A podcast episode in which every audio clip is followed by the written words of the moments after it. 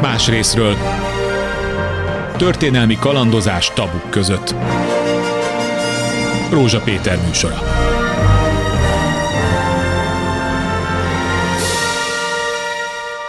Jó napot kívánok, egy kicsit visszalépünk időben, nem sokat, de aztán majd a beszélgetés alatt jóval messzebb is elmegyünk. Én most csak október 23-ig lépek.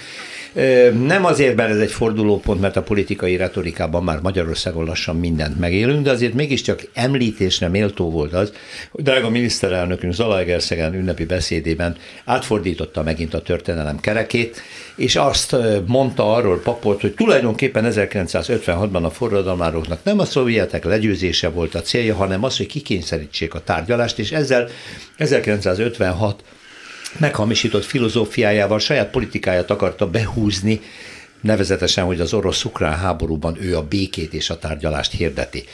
Szerintem ez a történelem megcsúfolása, de még kapcsolódott ez egy-két esemény, például az, hogy a Momentum jeles képviselői elszaladtak a Szabadság térre, és a szovjet emlékműnél, az Obelisznél ugye lepedőt meg zászlót rátekerve, azt betakarva, Arról beszéltek, hogy hát eznek ki kell innen mennie, mert az oroszok emléke az borzalmas, és ime ez a háború is, és hát akkor el kéne takarítani.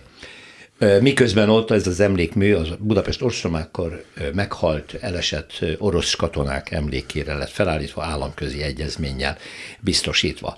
Ez megint csak azt mutatja, hogy mind a kormány, mind az ellenzéki oldalról igen-igen nagy zavar van a történelmi emlékezetben, és az egész emlékezet politikában.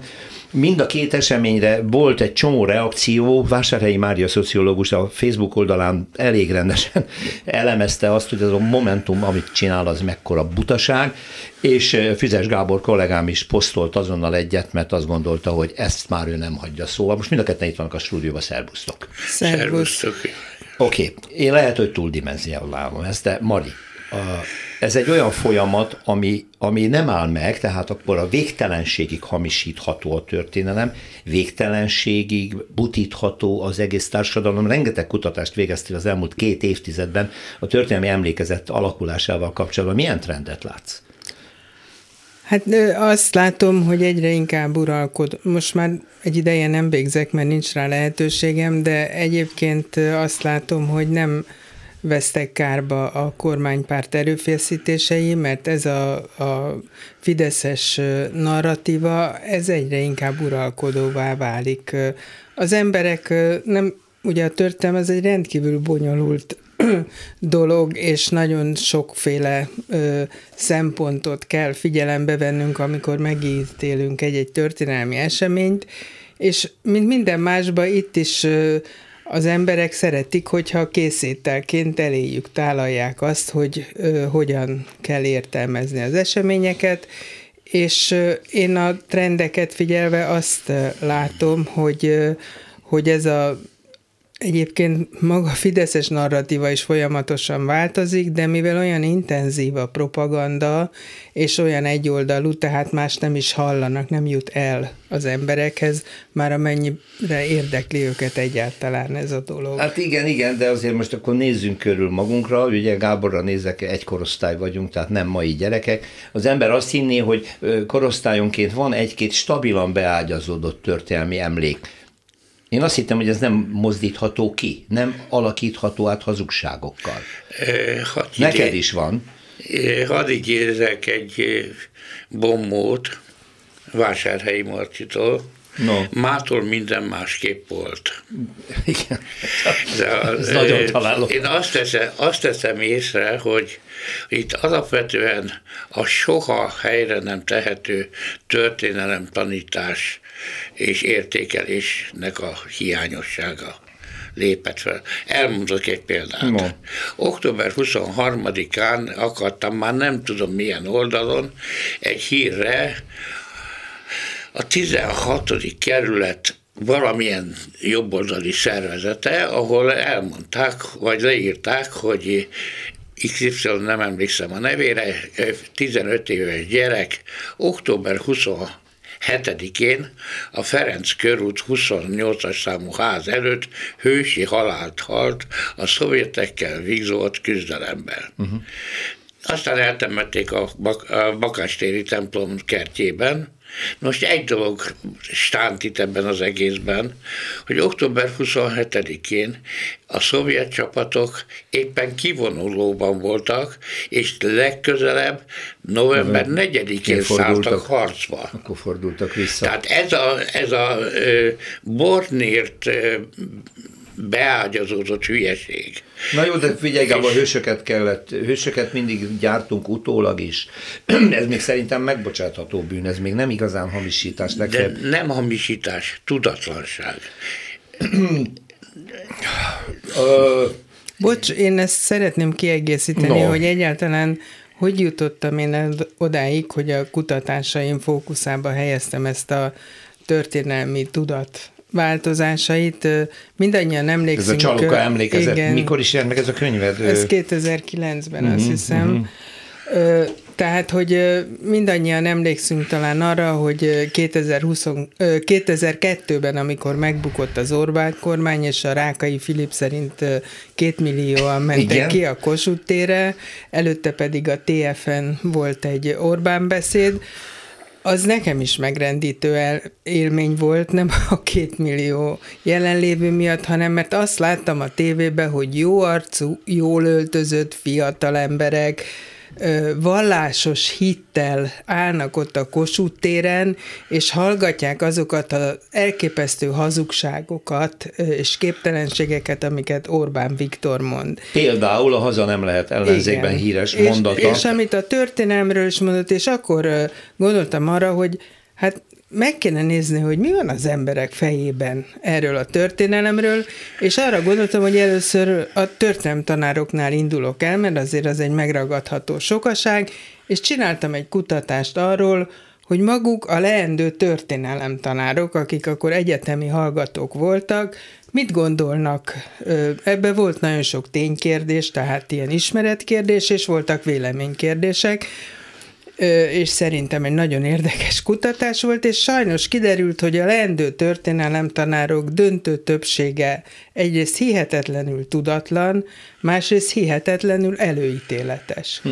De amikor nyilvánosságra került ez a kutatás, akkor elképesztő botrány kerekedett belőle, nem azért ami, ami, ami, ami baj, hanem, és hogy, kétségbejtő. Hanem, hogy ez publikált. Hanem, hogy, hogy, és akkor elkezdtek mindenféle, nem is készült el a kutatás. Szóval odáig jutottunk, hogy a parlamentben, ugye akkor már kormányváltás volt, és a Magyar Bálint volt a az oktatási miniszter, és interpellálták, és a jobboldali sajtóba egy hihetetlen hadjárat indult ellenem, mert nem az, tehát Abszolút nem arról szólt a vita, hogy ez kétségbejtő, hogy akik tanítani fogják a fiatalokat, azok milyen intellektuális állapotban vannak, hanem hogy a, hát hogy tulajdonképpen ez kiderült. Ez volt a tragédia. Uh-huh, tehát ez nagyon mély beállítódást jelent, és uh, ezzel nagyon nehéz mit kezdeni, de a, a Gábor mondja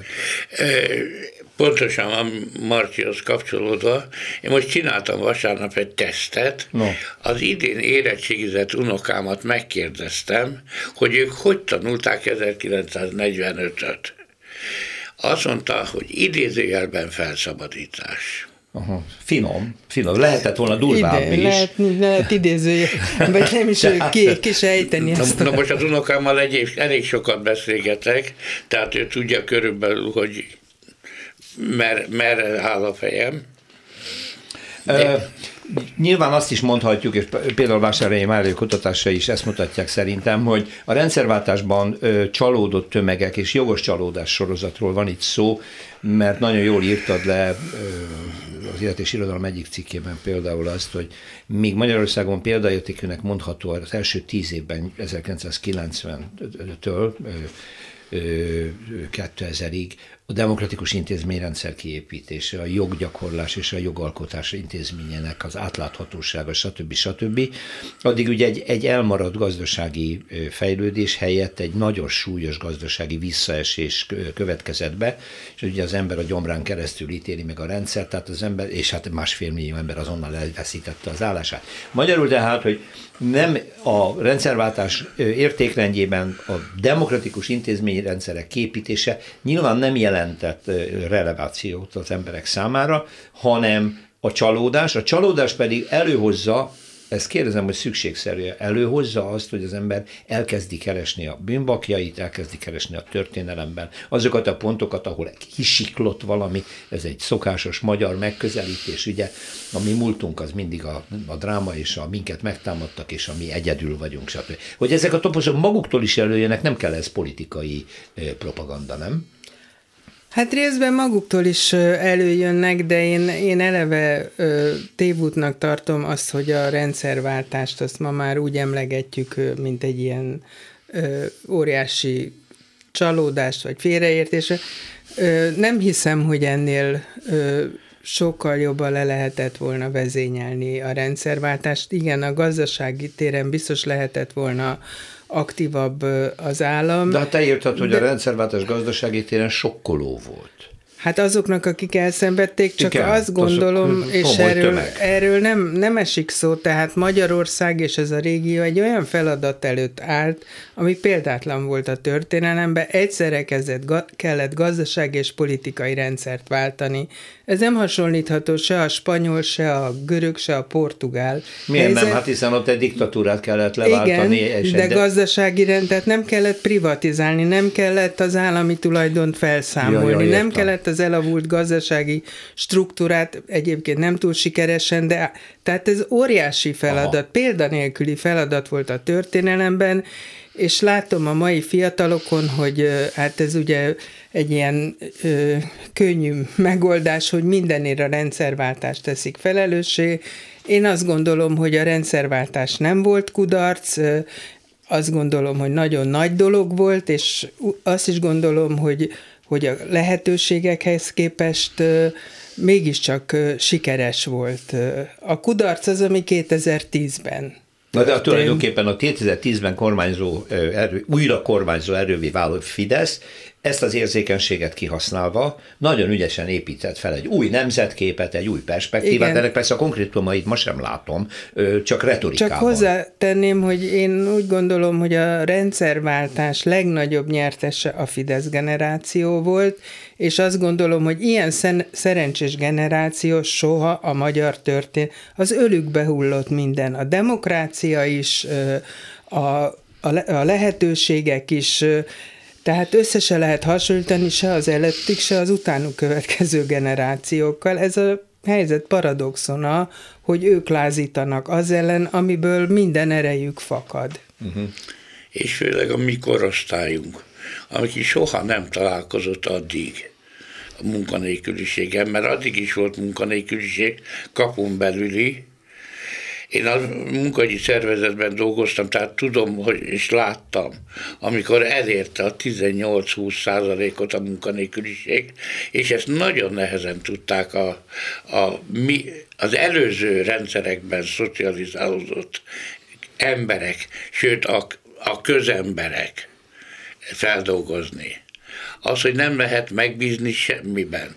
Mindennek van abban a pillanatban egy cáfolata hozzájárult még ehhez a kommunikációs eszközöknek az elterjedése is. És sokkal könnyebben tudunk ma kommunikálni, úgyhogy leülünk egy géphez, megnyomunk három gombot. És akkor az egész világ tudja, hogy mi az én véleményem. Hát ez egyébként az átka is ennek a mai korszaknak. És de... ugyanakkor ez az átka is. De még egy pillanatra visszatérve ez a, a tudat. Hát ez a, a, a Bolondok hajója című filmre eh, szeretnék célozni, ahol a, ahol a ugye mindennek az okai a zsidók és a biciklisták. Bomóra. Tehát valami, valami felelős mindig kell találni és ebben nagy mester a Fidesz.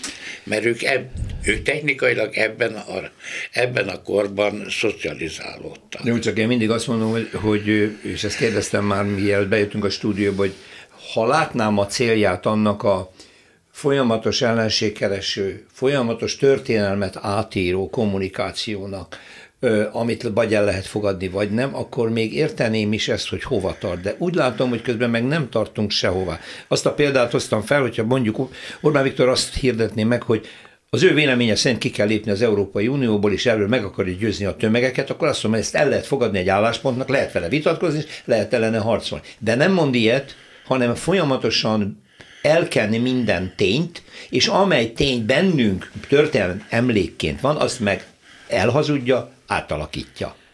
Én, én látom ennek a, a célját.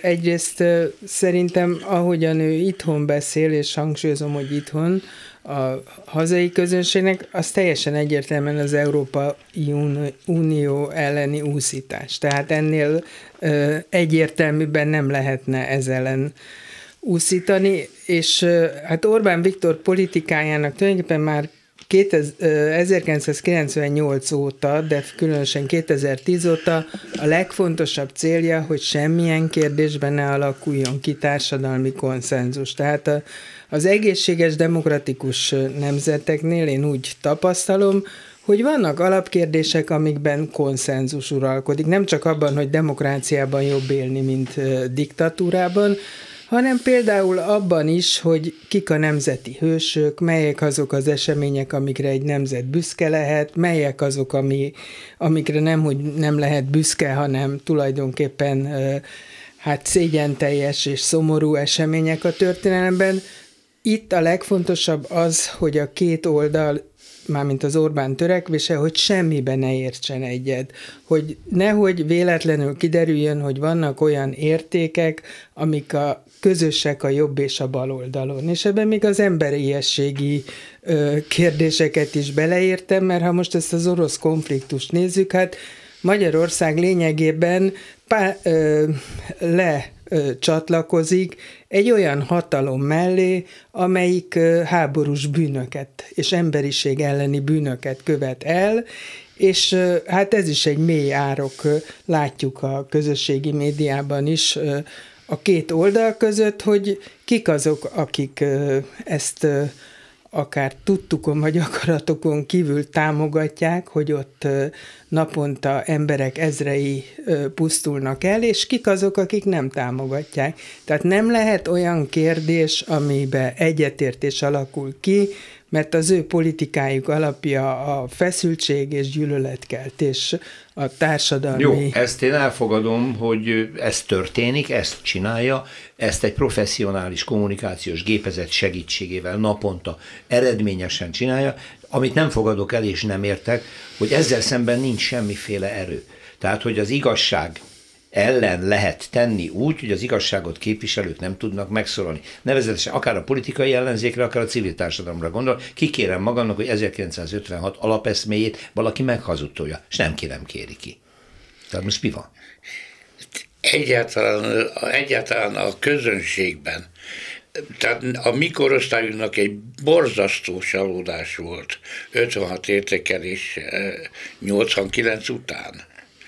Mert én azt hallottam apámtól, ő nevelt egyedül, hogy 56-ban kiszabadultak, a, tehát kinyitották a börtönöket, egyes katonai egységek átálltak, felfegyverezték ezeket a, ezeket a börtönből, szó, és tulajdonképpen a rebeliót ezt csinálták. Szó nem volt politikáról. Akkor még szó nem volt arról, hogy mindez a poznani felkelésnek a, a utóhatása.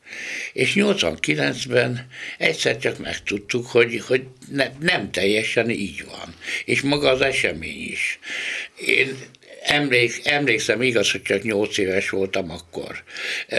Később Pongrác Gergelynek volt azt hiszem egy nyilatkozata, hogy szintiszta, patyolatiszta lelkű forradalmárok voltak, így semmiféle külön atrocitás nem történt. Ezzel szemben pontosan tudom, hogy a ma Erzsébet korábban Lenin körúti házban, ahol laktunk, volt egy édesség volt, és bizony a mi, szomszédaink rendesen feltörték az édességboltot, és kirabolták. De tovább megyek, egyik tűzszünetben apám elvitt sétálni, Szófia utca sarkán, Aradi utca sarkán, Lenin körút és Aradi utca sarkán én láttam azt a lábával fel, lábánál fogva felakasztott kis ávós katonát, akit rúgdostak, köptöstek. Tehát ne, bennem ez maradt. ez egy szubjektív élmény, és minden egyes kataklizmának a perifériáján ilyenek előfordulnak, de azért a fősodor mégsem ez volt, és ennek az átértelmezése megint csak egy hamis kép lenne. Persze, mert szóval, még az, a legfeljebb az az utolsó kép, amit mondtál, az egy megragadható momentum, hogy micsoda mély gyűlölet volt a rendszerrel szemben, hogy egyébként szerencsétlen mondhatni ártatlan besorozott katonákat gyilkoltak meg, és borzalmas kínok, kínok után haltak meg a, akár a köztársaság. De ez megint csak a perifériája a forradalomnak. Nem hiszem, hogy nem tett meg mindent 1988, 89, 90-ben a magyar értelmiség és a magyar politikai elit, hogy ezt a helyére tegye. Hát hiszen tabuk között éltünk előtte. Ezekre egyébként ugyanolyan olyan kártékonyak voltak, mint az a hazugság sorozat, amit most az Orbán csinál, nem Mari? Hát igen, persze. A, hát a Kádár rendszerben ugye mélyen el volt hallga, illetve hát még 87-ben is jelentek meg publikációk, meg filmek arról, hogy hogy, hogy 56 az egy ilyen rest, mármint hogy a horti rendszert restaurálni kívánó, tehát... Hát ez volt a kurzus magyarázata, igen. Hát, hát meg az 58-ban a Nagy Imre Perután kiadott fehér könyv is. Meg az is, meg a, meg a kik voltak, mit akartak, tehát persze, hát ott most, ugyanígy mosták az agyakat, ez nem is... De ugyanakkor a kérdésedre el kell mondanom, hogy hogy egyrészt sajnos a magyarországi baloldalnak és liberálisoknak finoman szólva gyenge pontja az emlékezettel való foglalkozás, tehát mind a mai napig nem sikerült a saját hőseiket megtalálni, tehát hogy a történelemben kik a vonatkoztatási pontok, kik azok, akikre büszkék lehetünk, mármint hogy baloldali liberális értelmiségiek, ezzel sajnos egyáltalán nem voltak hajlandóak foglalkozni, és ezért is lehet mindent bemocskolni, mert nincs egy, igazából egy ellennarratíva. Tehát mondjuk, hogyha most csak a demokratikus ellenzéket nézem, amelyiknek a tagjai ugye sokan közülük még ma is köztünk élnek, vagy élünk, hogy, hogy, hogy nyugodtan el lehet róluk azokat a hazugságokat, te, hogy ezek káder gyerekek voltak, meg komcsi gyerekek, meg tulajdonképpen pénzért csinálták, meg nem is voltak veszélybe, nem vállaltak semmit, tehát hogy, hogy én ezt egy óriási hiányosságának tartom a, a magyarországi baloldalnak és a liberálisoknak, hogy, tulajdonképpen azzal, hogy mi van az emberek fejébe, és ez sajnos nem csak erre vonatkozik, egyáltalán nem foglalkoztak. Tehát, hogy mondjuk például a demokráciát is tanítani kell az embereknek, hogy mi a jó a demokráciában, miért jobb demokrácia. Tehát ez teljesen el lett hanyagolva, és ezért nagyon könnyedén tör utat magának ez a sok hazugság, mert nincs vele szembe állítva semmi. Ez nagyon nagy hiányossága volt a baloldalnak, és, a, és akkor most eszembe is jut az egyik élet és irodalom cikked, az 15-16-ban, de lehet, hogy korábban jelent meg, az egy megdöbbentő, egyébként egy nemzetközi felmérésre hivatkoztál, hogy Magyarországon a volt a legerősebb az a tudat, 88%-kal megkérdezetteknek, hogy a Trianon döntéssel elcsatolt területeket vissza kell kapnunk.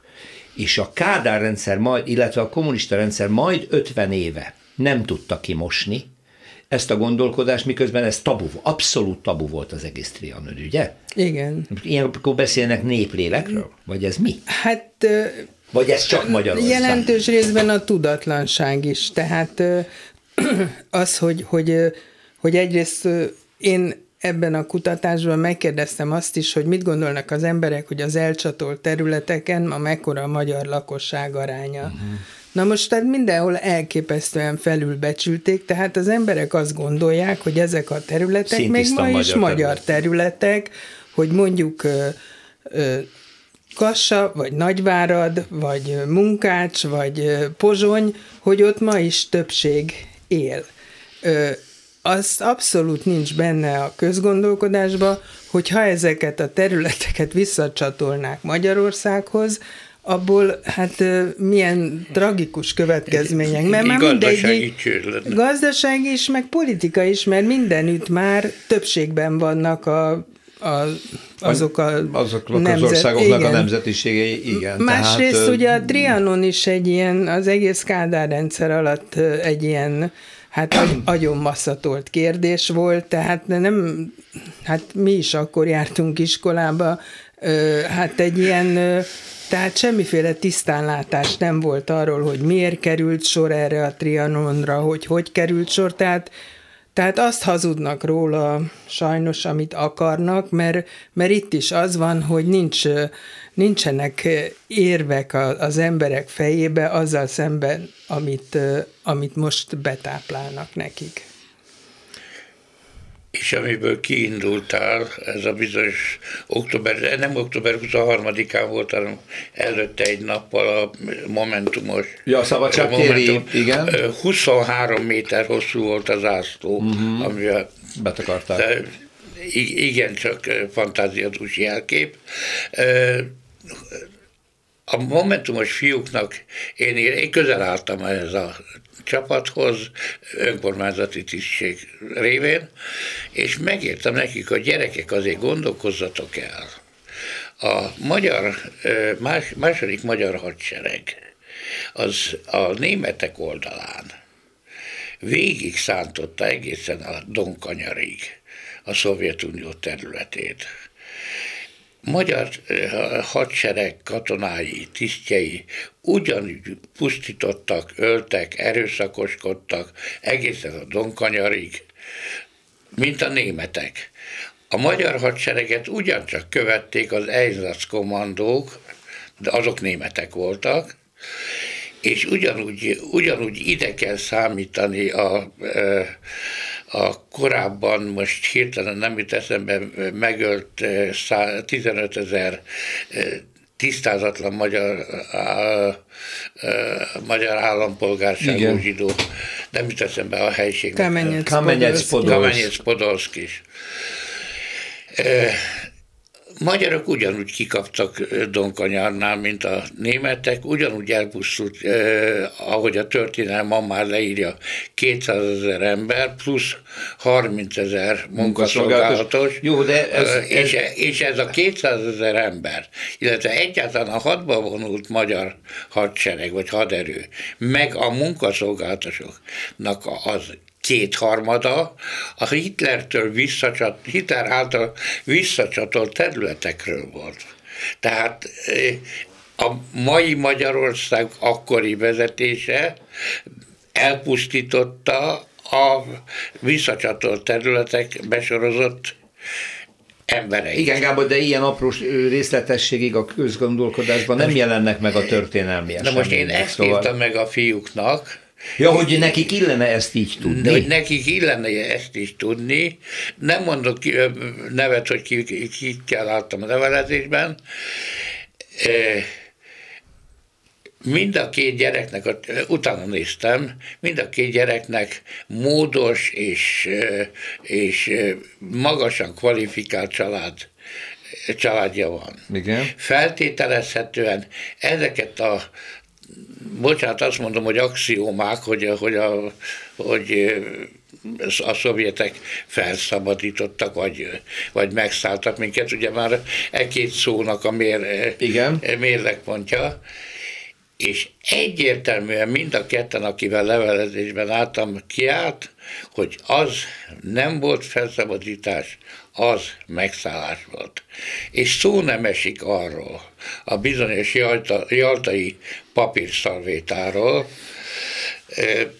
nem tudják, nem tudják. Jó, igen. Ö, igen, én, én, én úgy érzékelem, hogy hogy a Momentum, amelyiknek igazából a politikai arcéle egyáltalán nincs tisztázva, ott hol a, az inkább jobboldali, hol az inkább baloldali ö, szemléletű vezetők, vagy de ez mondjuk szerintem egy nagyon nagy probléma egy pártnál, mert sokkal előbb kéne az arcélét tisztázni, és utána vezetőt választani, mint hogy mindig a vezetőhöz igazítani. Én már azt se értettem ebben az egészben, lehet, hogy én buta vagyok ehhez, hogy mit jelent az, hogy piros-fehér-zöld zászlóval körbe Egyszer nem értem, nem értem a szimbolikus jelentését. Egy. Kettő. Ö, ö, azt gondolom, hogy és ez sajnos általában is, tehát hogy a differenciált gondolkodás az ettől a generációtól, amelyik ugye itt a közösségi médiába kap készen mindent, rettenetesen távol áll. Tehát, hogy, hogy valahogy szétválasztani, vagy árnyaltabban nézni a dolgokra, hogy, hogy most független, be, tudjuk, hogy, az, hogy a szovjet katonák borzalmakat követtek el. Azt is tudjuk, hogy sok százezer embert elvittek Málenki. De ez is történt, meg az is történt, hogy felszabadították Magyarországot, mert hiába mond itt bárki bármit, ha a magyar német ellenes ellenállásra lett volna bízva Magyarország felszabadítása, pedig az én édesapám részt vett az ellenállásba, akkor mi még a mai napig is német megszállás alatt élnénk, mert annyira nem létezett Magyarországon német ellenes ellenállás. Nagyon elszórtan, nagyon kevés ember volt ennek a részese, és igenis, ha meg kell mondanunk, hogy kiszabadította fel Magyarországot, mint azok a szovjet katonák voltak. Hát ki más lett volna? És azok, akik itt elestek, csak Budapest felszabadítása során azt hiszem 180 ezer, azok mind ugyanolyan emberek voltak, mint mi, azoknak mindnek volt mamája, esetleg felesége, gyereke, és igenis azt gondolom, hogy őket megille, hiába lehet, hogy nem is tudták, hogy hol vannak. Én mindent elismerek, hogy, hogy, hogy borzalmas ugyanolyan állapotban voltak szerintem, mint azok az orosz katonák, akiket ma Ukrajnába küldenek, borzalmas felszereléssel, élelem nélkül, Tudjuk, hogy a háború amúgy is állatot csinál az emberből, de különösen, hogyha éhes, ha fázik, ha, ha, ha nem tudja. nőt. Igen, ha régen látott nőt, nem akarom felmentni őket, de szerintem ma ugyanez folyik Ukrajnába, ugyanezt csinálja az orosz hadsereg, de a másik oldalról Magyarország, mondjuk most mondhatjuk, hogy majd eljöttek volna az amerikaiak, és felszabadítottak volna, de az amerikaiak egyeztek meg Stálinnal, hogy nem jönnek el. Tehát ez egy történelmi adottság, és itt mégiscsak több százezer fiatal szovjet katona pusztult el, és ezt egyszerűen nem lehet kétségbe Nem lehetne. És ami kimarad egyébként ebből, hogy a, ö, ugye nem Battonyánál, ahogy beléptek, hogy ha Battonyánál léptek Mindegy, be, hol léptek. Ez beléptek, akkor dúlt a, a szálasi kor, a nyilas korszak ami veszélyes volt, ugye, mert, mert, mert végül is Horthy leállította a deportálásokat 44 júliusában, de itt a, a, tulajdonképpen a magyar harcoló csapatok mellett a, a, a szálasi uralmat szüntették meg a orosz-szovjetek? Hát a, német, a, meg, a, német, meg, bocsánat, a német megszállás, tehát a Magyarország megszállt ország volt, ezzel egyetértek a fidesz és ez megint azt a történelmi hamisítást leplezi le, hogy a Fidesz egyfelül megpuszta a cezúrát, hogy német megszállás volt ugye 1944. március 19-e, innentől megszűnt Magyarország önálló államisága, mondják ők, és ezt kiterjesztették az egész szocialista időszakra is. Ugyanakkor őket támogató tömegek nem fogadják el, hogy felszabadítottak a megszállás alól. Tehát, hogyha ide jön a szovjet hadsereg, és mi megszállt ország vagyunk, ahogy ők múltnak, akkor ez most hogy lehetne újabb megszállás? Azzá vált persze később. Azzá vált, persze. De az adott pillanatban nem. És ez egy borzasztóan ellentmondás. Csak azt akartam megint visszahozni, hogy erre a differenciált megközelítésre nem nagyon alkalmas a tömegkommunikáció, hanem azra alkalmas, amit az Orbánék csinálnak, tőmondatokban, közhelyekben, demagóg szövegekben, emóciókat keltő díszmondatokban kommunikálna. Az ellenzék egy ideig próbált szofisztikáltan ellenállni ennek, de ahogy Vásárhelyi Marcsi az előbb mondta, ez a mai középgenerációs társaság, mint például a Momentum, ez is inkább erre hajlik, erre az utóbbi hát, kommunikációra én, már. Én te, igen, az, az, az ellenzék szofisztikált ellenállását vitatnám, tehát én nem nagyon láttam az ellenzéki narratíva képzés tulajdonképpen a rendszerváltáskor nem az ellenzék, hanem az értelmiség próbálta Hát akkor rosszul fogalmaztam. Én az rendszerváltás utáni tíz évre mondjuk, gondoltam, hogy... Nekem ez ez megint csak reveláció volt, egyébként szomorú reveláció. Őrsi Lászlónak megjelent néhány héttel ezelőtt az ésben, hogy ki hogy hazudott 56-os múltat igen, magának. magának. És hát nekem például az, hogy Antal József, akit én nem kedveltem, de elismerem a, az erényeit, és egy becsületes embernek gondolok, az, hogy ő is hazudta a saját 50, hogy az a, az a szervezet, amit ő saját állítása szerint vezetett, az nem létezett, kutatta ki Őrsi László, tehát ő semmilyen forradalmi tanácsnak nem volt az elnöke, és ma már azt látjuk, most épp néztem ennek a Blokkád című borzalomnak, ugye az is egy ilyen teljesen nyilvánvaló történelmamisítása, rövid leírását, és ott azt látom, hogy Antal József 56-os hős. Na, már az. És most, igen, 56-os hős, és a filmben ugye az ő ellenpontja Gönc Árpád, aki valóban 56-os hős, és akit úgy járat, próbálnak lejáratni, és sajnos azt gondolom, hogy nem eredménytelenül.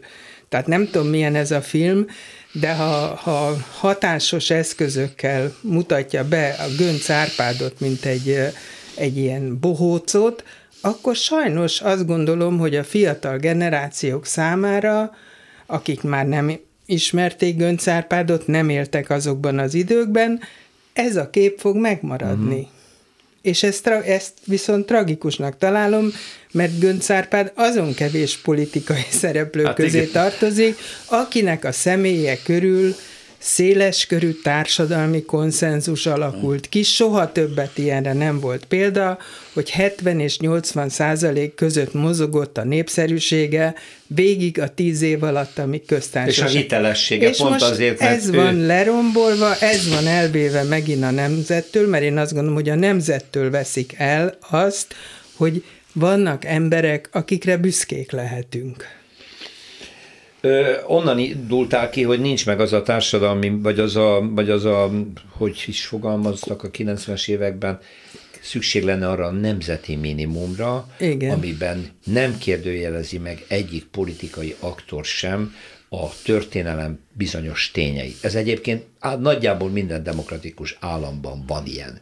Látjuk azokat a pillanatokat, amikor félresöplik a politikai ellentéteket, akár most éppen már Amerikában nem mondhatom el ezt a példát, mert ott is felbomló félben van sajnos, de azért sok európai országban lehet látni, hogy bizonyos konfliktusok esetén teljes az egyesség, hogy na azt nem engedjük megkérdőjelezni a demokratikus alapjainkat, az alkotmányunkat, a történelmi eseményeinket, amelyre a demokráciát építettük, ezt nem engedjük. Ez hiányzik. Ez tényleg hiányzik. A kérdés az, hogy ez egy magyar történelmi sajátosság, hogy valóban soha nem éltünk demokráciában, valóban nem értettük, hogy 90-ben mi kezdődik el, az mi, valóban nem tanultuk meg értékelni, hogy Tölgyesi Péter mondta, mert nem volt mihez viszonyítani, mert folyamatosan vagy egy megszállás, vagy egy diktatúra alatt élt az ország. Tehát ez lehet egy speciális magyar sors, kérdezem. Hát ugye nem felmentésként. Az, az egyik bajnak valóban a demokratikus hagyományok teljes hiánya, hiányát látom, de a másiknak azt, hogy igazából ö, tulajdonképpen, és ezt a, ugyancsak a kutatásaimból látom, mind, a, mindaddig, amíg egyáltalán volt lehetőségem ilyen kutatásokat végezni, hogy a Kádár korszak ö, de iránt hihetetlen nosztalgia él mind a mai napig, és nem csak azokban, akik abban éltek, hanem az utódaikban is. Tehát a Na, magyar... hamis kép. A ma, igen, illetve nem tudom, hogy mennyire hamis, mert... Hát Gábor már elkezdte sorolni, hogy, hogy tulajdonképpen van ö, alapja annak, hogy a Kádár béli életünket, a mai zaklatott, bizonytalan élettel szemben jónak tartsuk. Hát de, de nem mondjuk azt, hát. hogy hamis kép, mert ezt az emberek akik így gondolják, át is élték, és mi abba voltunk nagyon nagy félreértésbe, szerintem mi értelmiségiek, hogy nem mértük föl, hogy az embereknek nem a jólét a legfontosabb, és a szabadság, ami hanem a biztonság, A biztonság. a biztonság és ezt nem vitathatjuk el, hogy a Kádár korszak megadta. A, tudjuk, hogy milyen ára volt ennek, tudjuk, hogy fenntarthatatlan volt, de az emberek nem így gondolkodnak, hanem úgy, hogy nem ö, voltak egzisztenciális, nem éltek rettegésben, ö, láttak maguk előtt valamiféle perspektívát, most ezt megint ne értékeljük, hogy milyen perspektívát, de úgy érezték, hogy úgymond van mire hajtani. De ez a Kádár korszaknak csak 1965-70 utáni időszakára érvényes. Igen. A konszolidációt A konszolidációnak Igen, de hát mi mondjuk már Jó, hát mi abba annak a, a gyermekei Ö, vagyunk, és, és tulajdonképpen én azt gondolom, hogy mostanáig az Orbán rendszerben is ezt értékelték az emberek, hogy egyrészt Biztonság. az Orbán rendszer állandóan megígérte, hogy megvédi őket Ha az kell, összes nem nem létező ellen. veszélytől is, másrészt, hogy nem vitatható, hogy a Covidig mindenki évről évre egy kicsit jobban élt. Még a legszegényebbek is. Hát azért nagyon jelentősen csökkent a, a és a, azt már a Kádár rendszerben, a kutatásokban is láttuk, hogy amikor értéksorrendet kellett fölállítani az embereknek, hogy mit tartanak a legfontosabbnak, akkor mindig a legutolsó helyre került a szabadság, a demokrácia és az egyenlőség. És Gábor? akkor még nem beszéltünk a, a jelképrendszerekről. Na. Ugye már van Budapestnek egy körülbelül 300 méter sugarú köre, Szabadságtér, Kossuth Lajos tér, és ebben a körben van a szovjet emlékmű, amiből kiindult ez az egész Szembe vele az a borzalmas megszállás emlékmű. a Gábriel emlékmű, a hazatérés templomában Horthy a Horthy szobor. szobor, és a parlament környékének átalakítása szinte erődé vált a Kossuth Lajos tér, azzal a borzalmas, nem tudom, kiről szól az a szobor. Tisza Ja, István. ott a- Tessék? A Tisza. Tisza István. A Tisza István. Borzal. Tehát ebben a körben az egész mai Magyarország Hát ez megtalálható. jó, hogy mondod, hadd tegyem hozzá, hogy a Szabadság tér helyén volt a Naivaj, de ugye ott volt az a, az a kaszárnya, ahol Batyánit kivégezték. Tehát, Hát, hogyha a- igen. visszamennék, akkor már is lenne nemzeti konszenzus, hogy takarítsunk már el minden mást, mint ami nem közvetlen a magyar szabadság eszmét szolgálja, de hát ugye ez már túlságosan És, és eh, nehéz. te volt munkahelyed, vagy te mi volt munkahelyünk? A televízió. A Szabadság tér, tér 17. Igen. Uh, amit az imént Vásárhelyi Marcsi mondott, eszembe jutott a B.R.V. László Kis Amerika című filmét, aminek van egy fantasztikus jelenete. Egy munkás családhoz megy be a, a stáb, ahol az anya elmondja, hogy a fiataloknak, a fia most házasodott, átadta az egyetlen szobáját, és ő kiköltözött a konyhába, ami, ahol viszont már van mosógép. És akkor a fiatalok ülnek, és elő, kinyitják a szekrényt, egy éve házasodtak, és mutatja a lány, hogy ahhoz képest, hogy mi volt a stafírunk, amivel indultak, ma már egy ágynemű garnitúrával több van, és most jövőre megvesszük a porcelán készletet. És ez úgy jön ki Bérévész filmjéből, amit te mondtál, Marcsi, hogy az a minden alkalommal egy pici építkezés az emberek számára többet jelenteti minden másnál. És valóban az elmúlt mondjuk a válságig a Fi- Fidesz érában az apró építkezéseket még a legszegényebbek is érezték. Igen, ez így van, mert van akinek az a nagy dolog, hogy 120 millió forintos órát hord, és van akinek az, hogy meg tudja javítatni a kerítést, vagy tud egy új mosógépet venni. És abban ugye, én azt ugye nem tudom, hogy egy 120 millió forintos óra mi az Ez már nem a mi örömforrás, öröm, örömforrás, de abba, hogy új mosógépet tud venni, vagy megjavítatja a kerítést, abba értem, hogy mi az örömforrás. Igen, de ezeket az, ezeket az élményeket, ezeket az élményeket ö, ö, meg kéne őrizni, de akkor, amikor úgy látjuk, hogy ezek kerülnek most veszélybe, és ez, ezért nem értem most a tömegek, a Fideszes támogató tömegeknek a reakció. Ezek ugyanis most veszélybe kerültek. Veszélybe került a elhazudott rezsipolitika miatt, a pénz borzalmas romlása miatt, amiért közvetlen ez a kormány és a Magyar Nemzeti Bank a felelős. Veszélybe kerültek munkahelyek. Látjuk. Tehát mikor megtörik ez a biztonságérzet, és ez a jövőkép összetörik, és ez egy csomó hazugsággal van kitömve, akkor még meddig lehet a hűítést tovább csinálni? Mi ennek a természetről szól? Hát én úgy gondolom, hogy még kevés, mi úgy érezzük, hogy nagyon sok idő telt el, mert mindannyian valljuk be, hogy egzisztenciális szorongásban is élünk, azon kívül, hogy utáljuk a rendszert, Igen. amelyben élünk. És a kettő között szoros összefüggés van. De egyelőre le lehet nyomni az emberek torkán, hogy erről is Brüsszel tehet. Uh-huh. Tehát ez de azt gondolom, hogy, hogy hosszú távon ez nem igaz, és nem kell lebecsülni azt, hogy azért a Fidesz támogatottsága tendencia szerűen esik. Apad, valóban, Az emberek nagyon nehezen néznek azzal szembe, hogy rossz döntést hoztak. Tehát például, hogy nem jól döntöttek, amikor a Fideszre. Tehát ez egy idő, ameddig ezt saját magukban is tudatosítják, tehát nem, ne legyünk türelmetlenek. Én úgy gondolom, hogy, hogy le fog esni a tantusz, és ha lenne egy komoly ellen, ellenzéki narratíva, egységes, akkor az nyilván nagyon sokat segítene abba, hogy az emberek lássák, hogy van alternatíva. Van, Választási lehetőség? Igen. Uh-huh. Hát az a kérdés, hogy megszületette már az a személy, aki Ja, hogy személyfüggő és vezér kell. A, a másik vezér oldalról is. Ugye, ugye hát ugye, ugye kint a folyosón még azt a elég, elég sértő megjegyzést tettem, hogy szegény miniszterelnök jelöltre ráhúzták a bohósipkát még a jó, még a, Márki Zaj Péterre? Márki Zaj Péterre nem akartam nevesíteni. Hát, ez egy, ez ebbe, egy nagy... Igen, ebben nem fogunk egyetérteni, úgyhogy ne is bonyolódjunk Jó, bele. Szerintem, az ne. szerintem Márki Zaj Péter teljesen alkalmatlan volt arra a feladatra, hát, amire egy... őt megtalálták.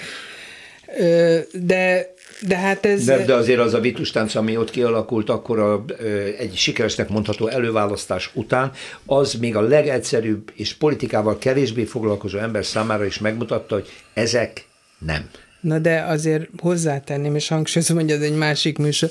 Tehát az, hogy valaki megnyeri az előválasztást számomra egyébként, és ez nem már Zajra mondom, hanem hogy ez hogy nyerte meg, az jó lenne egyszer még tisztázni, és utána azok, akik a győzelemhez segítették, kiáll és azt mondja, hogy mi az ellenzék, ellenzéke leszünk, meg a tiszták koalíciója, én, azt gondol, én ezt is egy árulásnak mm. gondolom. Jó, ezt csak azért vetettem fel, mert ugye Gábor utalt rá, hogy kellene egy vezér egyéniség, akiben legalább úgy bízhat majd a választói tömeg, mint hogy Orbán Viktor mögött ott van egy hatalmas tömeg, és vakon bíznak szerintem benne. leginkább médiaként ezt mindenki lebecsüli, tehát szerintem ebben a média helyzetben nem lehet győzni addig, amíg az emberekhez kizárólag a Fidesz gondolatai jutnak el, a, tehát, hogy hiába mond akármit az ellenzék, vagy egyszerűen az emberek erről nem tudnak, nem hallják meg, reménytelen. Igen, hát ugye hatházi egyszemélyes háborúja ott a sátorral a közmédia előtt, ami ugye holnapra egy blokkáddá válik, vagy nem. Szintén az a megnyilatkozás, ami nagyon szép és nagyon jó, de nyilvánvaló a rendszeren nem tud változtatni, mert be van betonozva. Hát, úgyhogy a dolognak a végszava az, hogy folytatódik a politikai hazugság a kormányoldalról, és erre még mindig jelentős tömegek fogékonyak maradnak. Hát az embereket egy egyébként szerintem egyre kevésbé fogja érdekelni ez az, az egész lehet. történelem, mert annyira el van mindenki foglalva a megélhetési problémákkal, hogy az, hogy itt mi volt 1956-ban, az nagyon kevés foglalkoztatja Igen. őket. Köszönöm szépen Vásárhelyi Mária szociológusnak és Füzes Gábornak. Köszönöm önöknek a figyelmet, szerkesztőm Herskovics Eszter nevében is. Jövő héten újra jelentkezünk, minden jót. Más részről. Történelmi kalandozás tabuk között. Rózsa Péter műsorát hallották.